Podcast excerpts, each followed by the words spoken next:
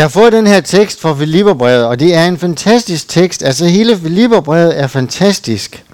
Men det er næsten som en... Nogle gange, når jeg har læst Filipperbrevet, øh, helt fra jeg var ung af, så er det næsten ligesom en film. Altså, I godt, det, det, det er en fantastisk film, men, men, det, men jeg, er ikke, jeg er ikke med i den. Vel? Jeg synes, det er godt, det der sker, og det, øh, det der bliver fortalt om, det er helt fantastisk, men jeg er ikke en del af det. Og jeg tror virkelig på, at vi kan blive mere og mere en del af det, som Paulus han gerne vil sige til os, og sige til menigheden i Filipperbrevet. Og overskriften den har givet glæde på trods af. At være glæde på trods af. Og vi læser de her vers fra Filipperbrevet kapitel 4, hvor vers 2 af, hvor Paulus han siger det her, eller fra vers 4. Glæd jer altid. Det er det her faktisk. Glæd jer og altid og i Herren. Glæd jer altid i Herren. Jeg siger af dig, glæd jer. Lad os mildhed blive kendt af alle mennesker. Herren er nær. Og vær ikke bekymret for noget, men bring i alle forhold, store som små, alle forhold, jeres ønsker frem for Gud, i bøn og påkaldelse med tak. Så det er bønnen og taksigelsen sammen. Og så Guds fred, som overgår al forstand, vil bevare jeres hjerter og tanker i Kristus Jesus. Det her øh, glædesbrev, det tænker man, det er skrevet efter en øh, masse fantastiske oplevelser, som Paulus han har haft, og han rider på en bølge, og alt er bare så godt og fantastisk. Men øh, mange af os ved jo også, at det her brev er skrevet, mens han er husarrest. Han, han sidder, kan man sige, øh, han er frihedsberøvet, han er i et hus, og man er i et fængsel, eller øh, hvad, det ved man ikke helt. Men han er i hvert fald lænket til det her hus, og har en vagt, øh, omkring sig, som skal passe på om Det, det står der om helt til slut i Apostlenes Gerning, kapitel 28.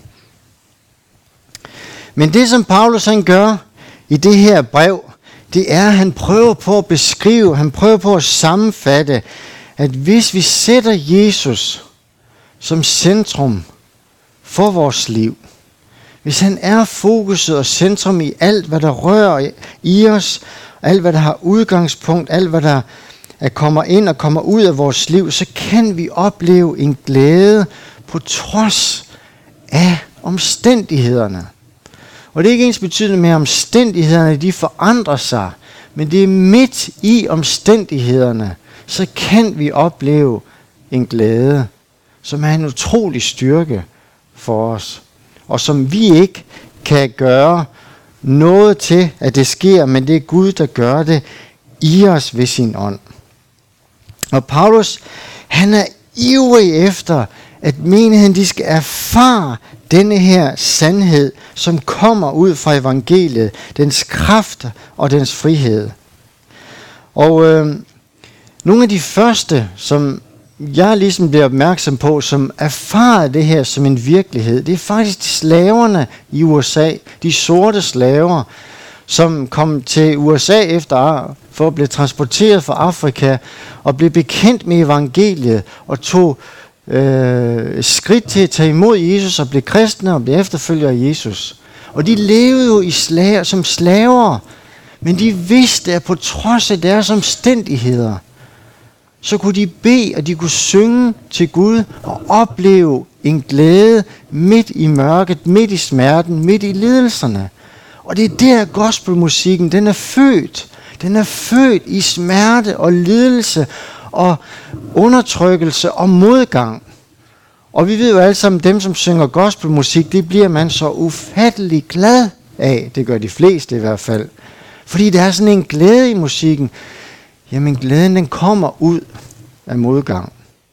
Og de erfarede simpelthen det her, Paulus han siger, glæd jer i Herren. Og øhm, det er de her, det er de her fem ord, der er så meget saft og kraft i. Det er de her glæd jer. Det er den ene ting. Og altid Det er den anden ting. Og så i Herren, det er den tredje ting. Det er et påbud. Det er ikke bare sådan, hvis du har lyst til det. Det er egentlig, her, det er egentlig Paulus han siger, I, I skal simpelthen gøre det her, fordi det bedste, der findes, er noget for jer, hvis I åbner op for det her. Så erfar I en glæde, som kun Kristus han kan give til jer. Og det er glæden over at leve i det her tætte fællesskab med Jesus. Og det som det her handler om mere og mere, som jeg har været fanget i i rigtig, rigtig mange år, det handler ikke om, hvad jeg eller du kan præstere, når han taler om det her. Det er tit og ofte det, vi falder tilbage på. Åh, jeg kan heller ikke det her. Jeg dur heller ikke til det her. De andre, de kan meget bedre. Måske en dag, jeg håber, så får jeg far lidt af det her, som de andre gør. Men jeg kan ikke få det til. Det er de andre, der kan få det til. Men evangeliet, det handler så lidt om dig og mig i vis forstand. Det, det handler om allermest, det er det, som Kristus har gjort for os. Og hvis vi bare kan fokusere på det igen og igen og igen og igen, så er der en glæde, der er en fred, der er liv, der kommer ud af det. Og det er det, som Paulus han ønsker at have fokus på. Det er det, som Kristus har gjort for os. Det er det, der har forandret hans liv. Og det er det, han vil så gerne have, at det skal forandre menighedens liv. At vi kan erfare glæde på trods af omstændighederne, når vores fokus det er på Gud. I kapitel 3, så siger han det igen i vers 1. I øvrigt, mine brødre og søstre, glæd jer i Herren at skrive det samme til jer igen og igen. Det gør mig ikke træt, siger han. Og så tænker man på, det må være sådan en lalleglad Paulus, som bare har så nemt ved at være glad, og, sådan lidt, lidt lykke og sådan lidt uh, don't worry, be happy-agtig mentalitet. Ikke? Men det er virkelig noget dybere, der ligger ind over hans liv her, Paulus, som man bare vil fortælle dem. Han er ikke sådan en super positiv person, som, uh, som bare kan leve næsten på det mindste positive, så bliver han, så bliver han glad. Paulus, han har virkelig erfare evangeliets sandhed. Han har erfaret Guds betingelsesløse kærlighed og hans ufortjente noget i, på sådan en måde, at det totalt forandrede hans liv på vej til Damaskus. Hvor han skulle have lov til at forfølge de kristne og slå dem ihjel. Og han møder Jesus, og han oplever, at han rent faktisk, han tror, han er Guds bedste ven, men han, ser ud, han finder ud af, at han faktisk har forfulgt Kristus. Han har forfulgt de kristne, og dermed også Kristus. Og lige pludselig så er det gået op for ham, at han er den værste sønder og gjort forfærdelige ting. Han har slået mennesker ihjel. De forfølger ham resten af livet. Han siger, at jeg er den største sønder af alle. Der er ikke nogen, der er større sønder end mig, men jeg har fået vist barmhjertighed, siger han. Jeg har fået vist ufortjent noget af Jesus. Og det har forvandlet hans liv totalt. Og det er den der, det er den der forvandling af at have mødt det, at det gør, at det er det, han ønsker at fortælle menigheden. 164 gange i det nye testamente, så nævner han det her i Kristus, i Herren. Det er ikke i ham selv, det er ikke ved egen kraft, det er i Kristus, i Herren, han taler om alle de her ting.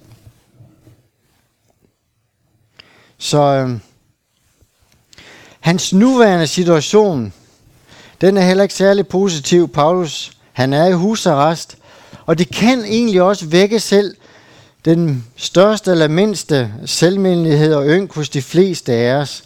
Han kunne godt her på slutningen af hans liv og hans tjeneste, han kunne godt tænke, er det her takken for mit arbejde? Er det takken Gud for, at jeg har tjent dig? At jeg har gået igennem ild og vand, at jeg næsten risikeret mit liv så mange gange, at det takken for alt det her. Har jeg ikke fortjent bedre? Og selv i går, der så jeg den her, øh, jeg så ikke det her knæk cancer, men jeg så et, øh, jo det tror jeg nok det var det, jeg så et lille klip om en, øh, en mand, som har været med til at starte det her Team Rynkeby, som er det her velgørenhedscykelløb fra øh, Danmark og til Paris, som bliver kørt hver eneste år for at samle penge ind til, til kraft Og han har været med til at samle millioner af kroner ind. Og så får han selv kraft. Og han er uhelbredelig syg af kraft. Og det, som han egentlig siger til interviewet her, han siger, hvad synes du om det her? Så synes jeg, siger han, det er uretfærdigt, det der er sket med mig. Og der ligger den her iboende retfærdighedssans i alle mennesker, at det er ligesom om, hvis jeg gør en masse godt, så fortjener jeg også noget godt senere i livet. Og, øh, og det, han siger hverken, han tror på Gud eller ej, men der er rigtig mange mennesker, der har den her forestilling omkring livet. Og forestilling også med, hvis jeg passer mit arbejde, hvis jeg gør godt mod mennesker, hvis jeg betaler min skat med glæde og gør en masse godt for andre mennesker, så kommer jeg også til at fortjene noget godt. Men vi har ingen garantier her i livet. Der er ingen garantier for, hvad der kan ske for os. Men sådan er Paulus her, og så kan man tænke, er han bitter? Nej, han er ikke bitter over det her. Han er faktisk rigtig afklaret, og en af grundene til, at han også kan opleve den her glæde, det er også fordi, han er faktisk afklaret med rigtig mange ting. Der er ting, som han har, han har gjort op med i hans liv, som jeg siger, det her, det er afklaret omkring. Og det kan ikke, det, det, det forandrer sig, og det skal vi jo lige prøve at kigge på her i, i Filipperbrevet. Kapitel 1, vers 21, der er han meget afklaret omkring hans død. Han siger, at øh, det venter jeg med på længsel, og jeg håber, at jeg ikke skal blive til skamme i noget, men at Kristus nu som altid må blive forherliget i fuld offentlighed ved det, der sker med mit læme, hvad enten jeg skal leve eller jeg skal dø. Og han er helt afklaret med ham, hvad enten han skal leve eller dø, så vil han tjene Gud. Han vil følge ham. Han vil være hans efterfølger. Det, det kan døden ikke lave om på. Han vil gerne leve, han vil gerne være til stede, men hvis han dør, så er det også ok. Han har en helt tydelig afklarethed omkring døden. Hen i kapitel 3, vers 7, der taler han om, at, at det, som han havde før som en lovtro jøde, fariser, det regner jeg på grund af Jesus for tab. Jeg regner så vist alt for tab på grund af det langt større, at kende Jesus Kristus, min Herre. Han har simpelthen givet afkald på al ejendom. Han regner det ikke for noget. At det bliver taget fra ham, det betyder ikke noget. Det forandrer ham ikke. Og det siger han også over i kapitel 4. Fordi han fortæller om, at ikke sådan at forstå, at jeg mangler noget, siger han, men jeg har lært at nøjes med det, jeg har. Jeg kender til det her ringekår, jeg kender til det her overflod, men i et og alt, så jeg indviede både at være mæt og sulte, både at have overflod og lide mangel. Så han er meget afklaret omkring hans situation, lige meget hvad han kan komme ud for, hvad han kan opleve. Så forandrer det ikke den stilling, han har ind for Gud. Kapitel 3, vers 13, så er han heller ikke den person, som dvæler ved fortiden. Han fortæller de her fantastiske ting, at han er grebet af Jesus Kristus, men jeg mener heller ikke, at jeg har grebet, at jeg har fået fat i det hele, men jeg ved, det siger han, at jeg glemmer, hvad der ligger bagud, og strækker mig mod det, der ligger forud. Og ting, som han har gjort op med i hans fortid, som ikke påvirker ham længere. Han ved godt, at han ikke nået helt i mål, men han er ikke bitter.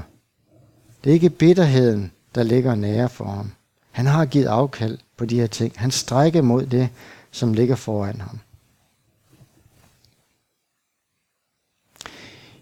Kapitel 1, vers 7, der siger han også til menigheden, at det er kun rimeligt, at jeg tænker sådan om jer alle, for I er mit hjerte.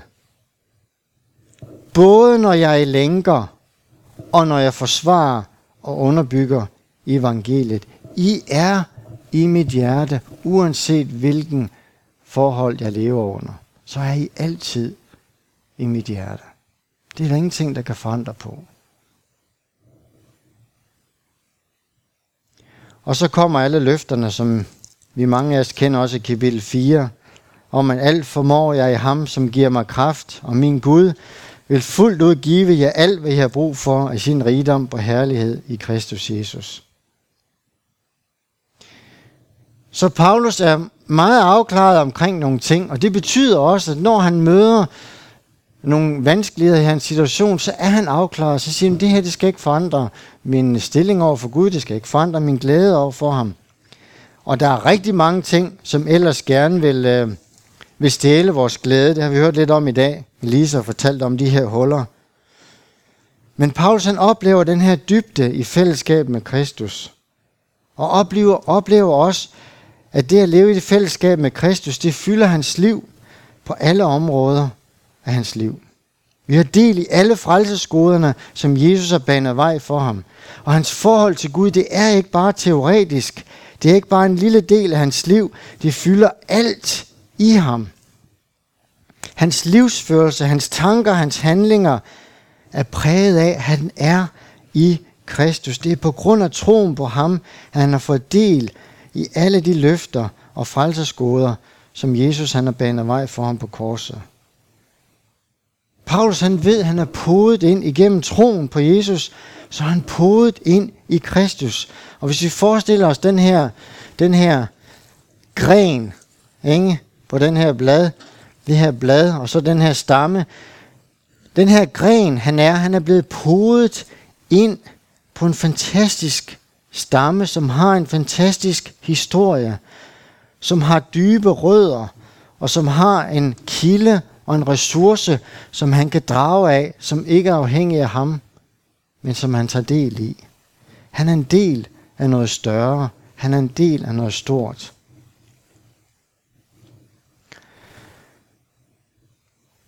Nemias' bog, kapitel 8, vers 10, han nævner noget om det her med glæde. Nehemias han har lige let israelitterne til at bygge den her mur op omkring Israel, som er blevet ødelagt. Og lige før de skal læse loven op, efter at øh, muren den er blevet bygget igen, så siger han de her vers, Vær ikke bedrøvet, for glæde i Herren skal være jeres styrke. Der er en styrke, som gælder for os, som findes i at glæde os i Herren. Og den styrke, den ønsker Gud, at vi skal få del i. Men der er rigtig meget, som kan stjæle den her glæde. Og når der kommer huller i vejen, så er det som om, at den bliver stjålet, den her glæde, og vi kører i hullerne. Vi har også en fjende, en Guds fjende, som prøver på at stjæle og slagte og ødelægge, og som gerne vil stjæle den glæde, som er i Kristus Jesus. Og øh, jeg er også en person, som, som er relativt lyst af sind, som, som ser rimelig ofte mulighederne og det lyse i, i mange situationer. Og det, det er dels på grund af, at jeg måske er en lys person, men det er også fordi, jeg har oplevet en opvækst, som har været meget glædes tom øh, med skilsmisse og øh, mange problemer øh, ja, familiært på mange fronter. Og, øh, og jeg har ikke oplevet så forfærdelig meget glæde i min barndom på mange måder. Så derfor så, så ved jeg også det her, hvordan, hvordan man ikke kan have glæde, hvad det kan betyde i ens liv, men samtidig også opleve glæden i Gud, hvad det kan gøre. Og når man har oplevet både har haft rigtig lidt af det, og så har oplevet at få en del i det igennem troen på Jesus, så ønsker man at bevare det for enhver pris. Og, øh, og min historie, som, er, som, som jeg ligesom kan fortælle, som er tættest på det her brev, det, øh, det er, at jeg har, jeg har sådan løbet regelmæssigt de sidste 15 år. Jeg er ikke nogen superløber. Jeg har løbet et par halvmarathon. Jeg har stadigvæk en hel maraton til gode. Jeg, er ikke et, jeg, har ikke, jeg har ikke gjort det vilde store endnu. Det kommer måske en dag. Det ved jeg ikke. Jeg ved det ikke. Men løb betyder rigtig meget for mig. Det at løbe hver anden dag, det betyder meget. Jeg løber en, en 6-7 km hver anden dag, og det har jeg gjort i de her sidste, de sidste 15 år. Øhm. Der er ikke noget i dag, som kan få mig til at forhindre mig til at tage en løbetur. Det har der været førhen. Det har der været i, mange, i de første mange år, hvor jeg løb. Der var der mange gange, jeg, da det regnede udenfor, så siger jeg, ah, jeg gider ikke rigtig i dag. Og det blæser udenfor, ah, jeg, jeg løber i morgen. Eller når sneen den begynder derude, når det er sne, og der er andre ting, ah, jeg gider ikke rigtig løbe i dag. Vi, vi udskyder det. I dag er der ingenting, og det er ikke engang for at fremhæve mig selv, der er ingenting, der kan stå i vejen for, at jeg kan tage min løbetur. Intet.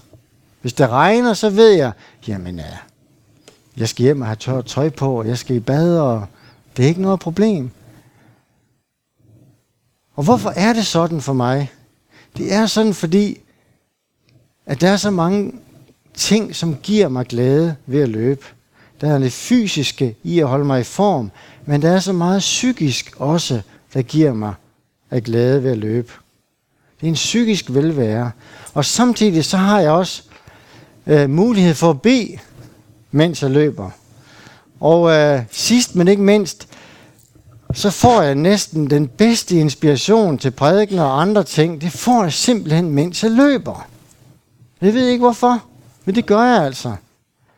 Så det er ingenting, der kan forhindre mig i at tage den her løbetur.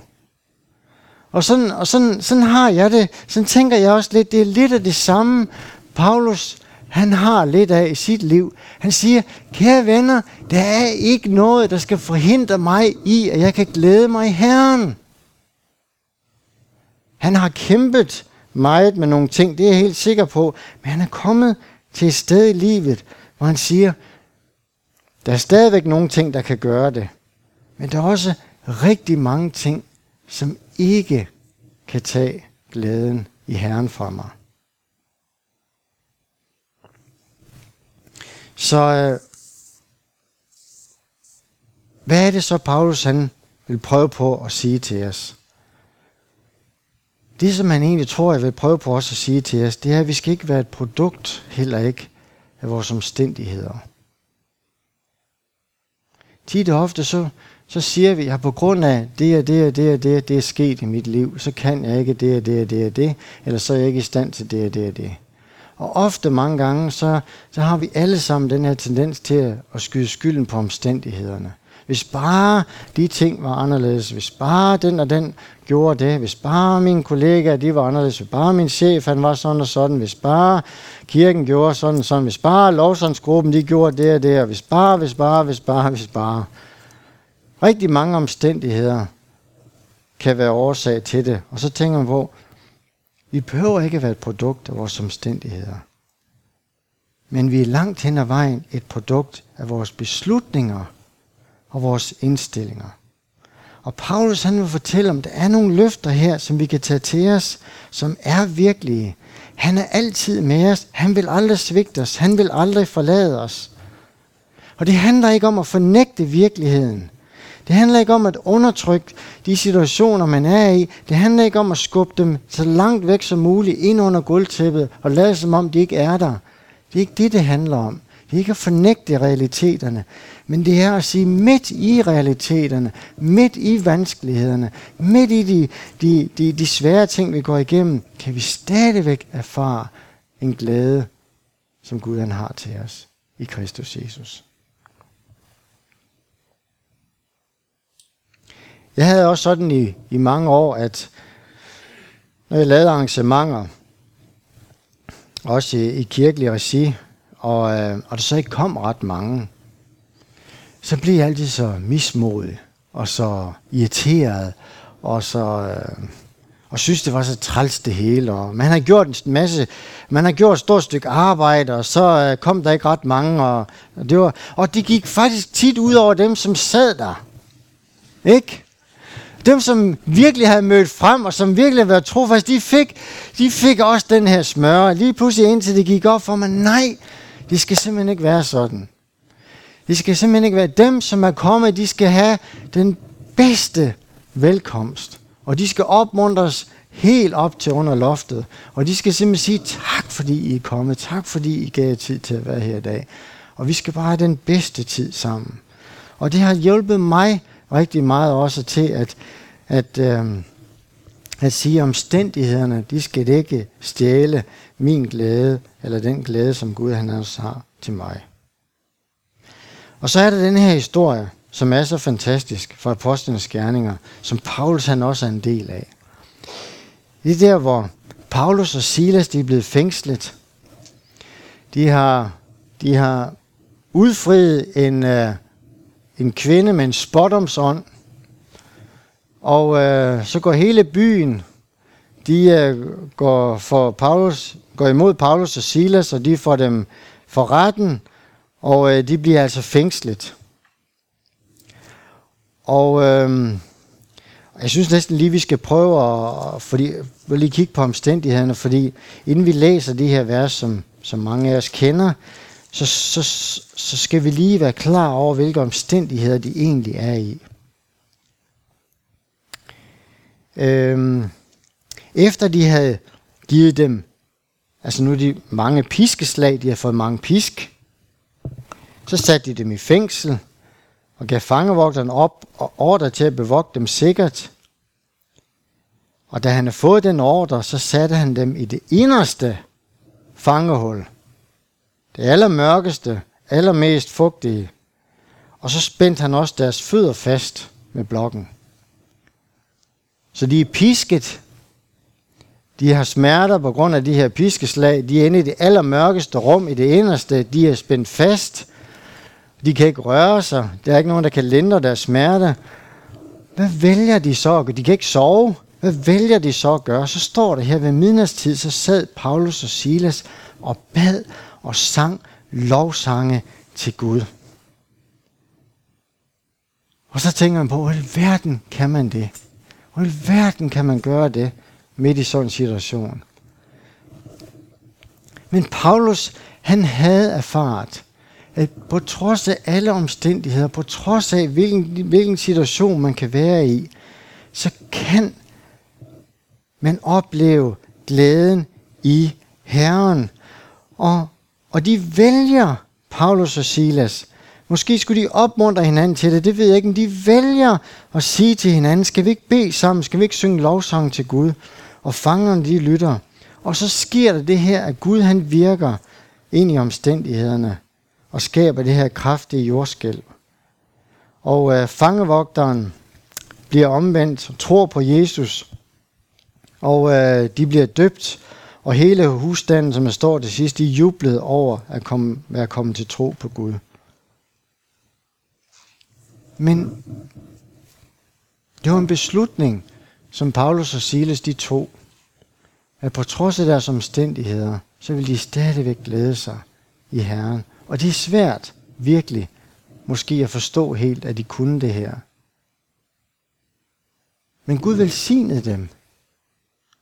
Både med, at de oplevede det her mirakel, men også, at Gud kom nær i deres lovsang i deres bøn og velsignede dem. For de havde ikke fokus på sig selv, de havde fokus på Gud. Og jeg tror, vi har mange flere oplevelser til gode af det her med at være i nogle omstændigheder, hvor vi er røget i et hul, eller vi er udsat for noget, som er trist, og vi kæmper mod diverse situationer, og så siger jeg, det er bare så trist, at jeg er så modløs, at vi så vælger nogle gange at sige, jeg vil bede, jeg vil synge til Gud, jeg vil øh, udtale de løfter, der er i Kristus Jesus, fordi der er en glæde på trods af mine omstændigheder, som jeg kan fordele i, og som Gud ønsker, jeg skal opleve. Måske vil Gud gøre noget ved omstændighederne. Men hvis han ikke gør, så er der stadigvæk en glæde og en fred, der venter på os, når vi tager del i de løfter, som Gud han har for os igennem Jesus. Og hvis vi oplever det mere og mere, hvis vi oplever, at det er en virkelighed i vores liv, så kommer vi også til det tidspunkt, hvor vi siger, at der er ikke noget, der kan stjæle min glæde for Gud af. Der er noget, der kan prøve det, og måske lykkes det også fra tid til anden. Og vi virkelig falder igennem, og det er trist. Og vi har brug for andre til at, at tage os op. Vi har også brug for Guds nåde ind over vores liv. Men hvis vi virkelig oplever det her, og oplever det igen og igen, så har fjenden heller ikke særlig stor succes i vores liv. Og, øh, og det handler ikke om, hvad jeg kan præstere, hvad jeg kan få mig til, hvor åndelig jeg er, og hvor stor øh, disciplin jeg har, og hvor dygtig jeg er til selv at få det til at, ses, til at ske. Det handler ikke om det. Det handler om at beslutte sig for, at jeg vil glæde mig i Herren. Jeg vil glæde mig i de her løfter, som jeg nogle gange ikke føler, men som er en virkelighed. Og jeg vil handle på dem, og jeg vil udtale dem, og jeg vil tage dem ind over os, i troen på, at Gud han vil bringe mig den her glæde. I troen på, at han vil give mig den her fred, som jeg også har brug for. Og egentlig kort fortalt, så kan man sige, at kapitel 2 i Filipperbrevet, det handler meget om, hvad Jesus har gjort. Der fortæller Paulus om, hvem Jesus han er. Han var den, som havde Guds skikkelse, men regnede det ikke for at råbe hvad lige Gud, men gav afkald på det. Og så fortæller han hele vejen ned igennem, hvad Jesus han egentlig har gjort, da han kom til os mennesker. I kapitel 4, der fortæller han meget om, hvad vi er i stand til på grund af Jesus. At alt formår jeg i ham, som giver mig kraft, og øh, min Gud kan give jer fuldt ud alt det, som I har brug for. Det er det, der sker i kapitel 4. Og så i kapitel 3, så opmuntrer han os til at sige, jamen det kommer til at ske, hvis vi glæder os i Herren igen og igen. Det er det, der er nøglen til det. Der findes en glæde, som findes på trods af omstændigheder, og lige meget hvilken situation du er i. Og det er derfor, Paulus han også siger de her vers i 1. Thessalonika brev, kapitel 5. Vær altid glade, siger han. Og så siger han, sig tak under alle forhold. Og der er det vigtigt at bemærke, der står ikke her, sig tak for alle forhold. Fordi hvis der stod at sige tak for alle forhold, så var det Gud, der var årsagen til, at man havde det, som man havde det. Men sådan er det ikke. De er ofte de ting, som der sker i vores liv, er ikke noget, Gud han har noget med at gøre. Men der står her, at vi kan sige tak under alle forhold. Og det vil sige lige meget, hvad der sker med os, lige, lige meget, hvad vi kan komme ud for, så kan vi stadigvæk sige tak til Gud. Og han kan stadigvæk bane vej for en glæde og en fred, som vi har brug for, og som vi ikke selv kan finde. Og derfor så siger, så siger Paulus også videre her, at vi skal ikke være bekymret for noget, men bringe i alle forhold jeres ønsker frem til Gud i bøn og påkaldelse med tak. Så vil Guds fred, som overgår al forstand, bevare jeres hjerter og tanker i Kristus Jesus.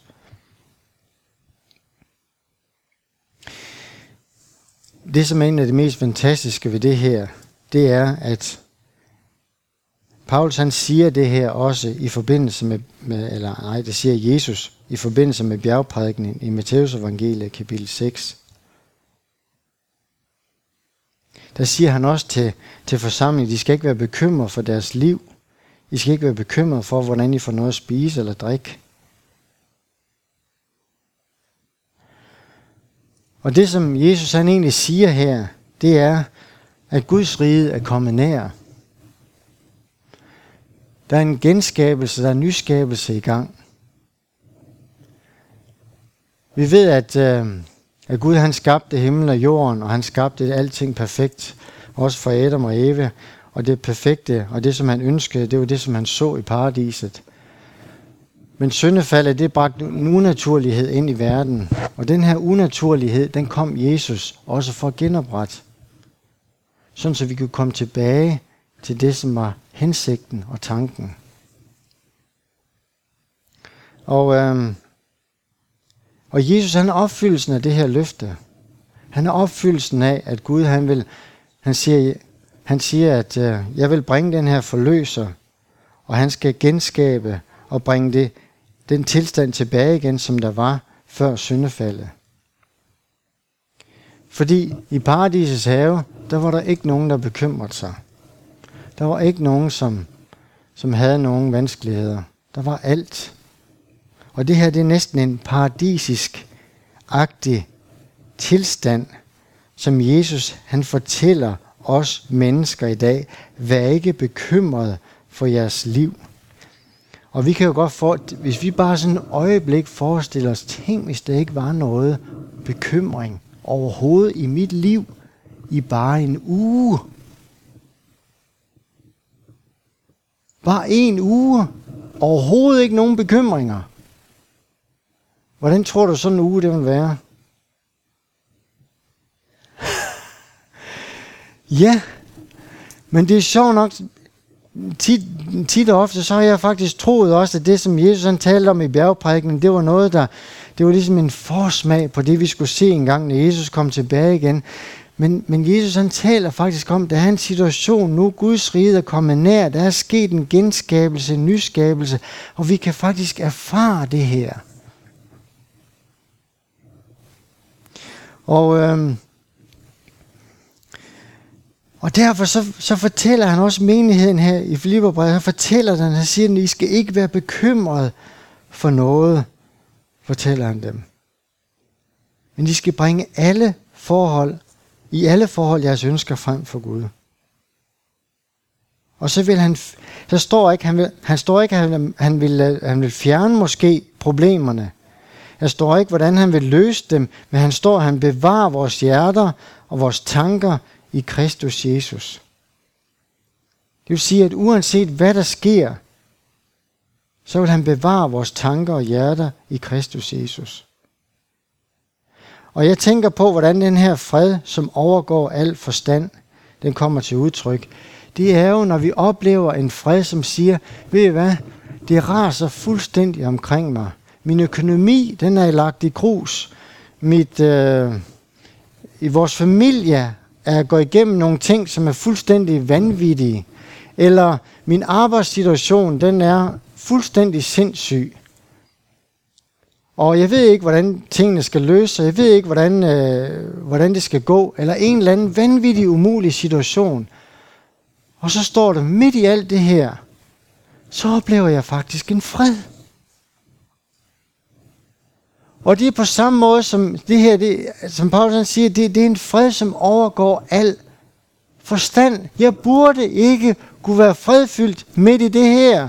Det er fuldstændig vanvittigt. Jeg burde være super bekymret og angst og frygtsom og øh, stresset og så videre. Det er måske også en lille smule, men der er også en fred, som er over mig. At på en eller anden måde, så skal Gud nok virke. Han skal nok bane vej ud af det her. Og det er den fred, det er den fred, som han også ønsker, at menigheden de skal opleve. At uanset hvad I kommer ud for, uanset hvad der sker, så kan I tage imod den her fred, som overgår al forstand. Så øh, det er jo fantastiske ord, det her. Det er virkelig fantastiske ord.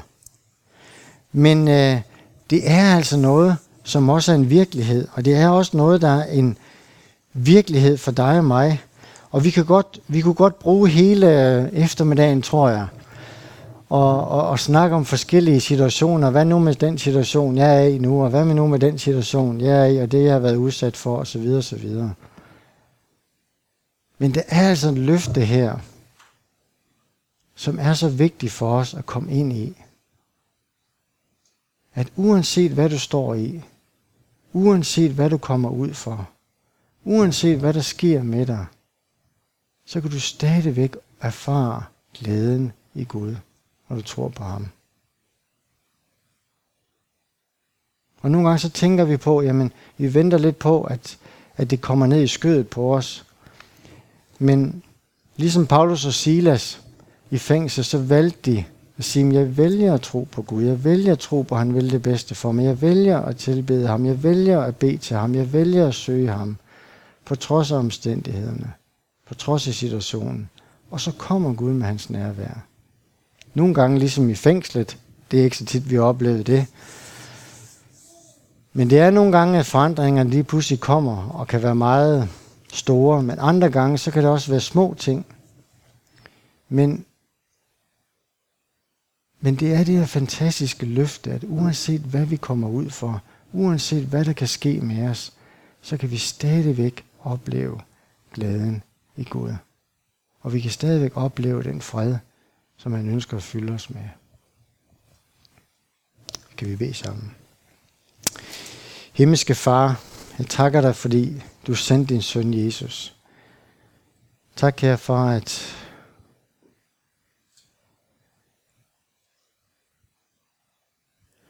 Tak, kære far, at, at du i din barmhjertighed og du i din kærlighed til os sendte din søn for at genskabe og gendanne det, som er blevet fortabt og ødelagt ved syndefaldet. Tak, kære far, at vi ikke selv kan, kan nå op til din standard og nå op til det, som, som du kræver, men at du igennem din søn Jesus, så, så opfyldte han loven og levede op til den standard. Tak fordi, at min søn og min skyld er sonet og tilgivet. Tak fordi, at jeg er renset og tilgivet, kære far. Tak fordi, at du har adopteret os ind i din familie. Tak fordi, vi er dine børn. Tak fordi, du er vores himmelske far. Og tak fordi, vi er arvinger til et rige, som varer evigt. Og tak fordi, at du har givet os alt. Du har ikke holdt noget som helst tilbage til os, for os. Tak fordi, du har velsignet os med al himlens velsignelser. Og far, jeg beder dig om, at du vil hjælpe os til at tage del i det hver eneste dag. Både når det går godt, og du velsigner os, men også når vi oplever vanskeligheder, og vi oplever svære situationer, at vi også kan tage del i det. At der er ingenting, der skal stoppe os fra at opleve og erfare den glæde, som du har i os, og som du ønsker at give til os. At der er ingenting, der kan stoppe os og forhindre os i at opleve den fred, som du har til os. Men hjælp os til at have fokus på dig. Hjælp os til at tage imod det, som du har til os. Hjælp os til at stå fast og have dig som centrum i vores liv. Hjælp os til at, at drage på de her løfter hver eneste dag, så vi kan erfare det her som en virkelighed. At det ikke handler om os, men det handler om dig og det, du har gjort for os. Far, vi beder dig om, at du må blive ophøjet og herliggjort endnu mere i vores liv. At vi kan fortælle om, hvad du har gjort i os, og hvad du kan gøre i os.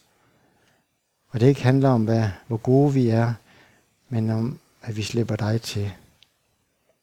Far, jeg beder dig for dem, som har det svært, som har det vanskeligt. Far, jeg beder dig om, at de må erfare også, at midt i det, så kan der så kan de erfare en glæde, som kommer fra dig. Og jeg beder også for dem, som går igennem svære perioder i deres liv, at de oplever, at du fylder dem med en fred, en vidshed om, som går ud over alt forstand, at jeg er med dig, jeg er, jeg slipper dig ikke, jeg forlader dig ikke, du kan stole på mig, du kan regne med mig, jeg er med dig alle slags dage ind til verdens ende. For jeg beder dig om, at den, den erfaring af dig, det må blive stadig større og dybere i vores liv. Og vi også må dele det med hinanden, opmuntre det med hinanden og trøste os med det med hinanden. Amen.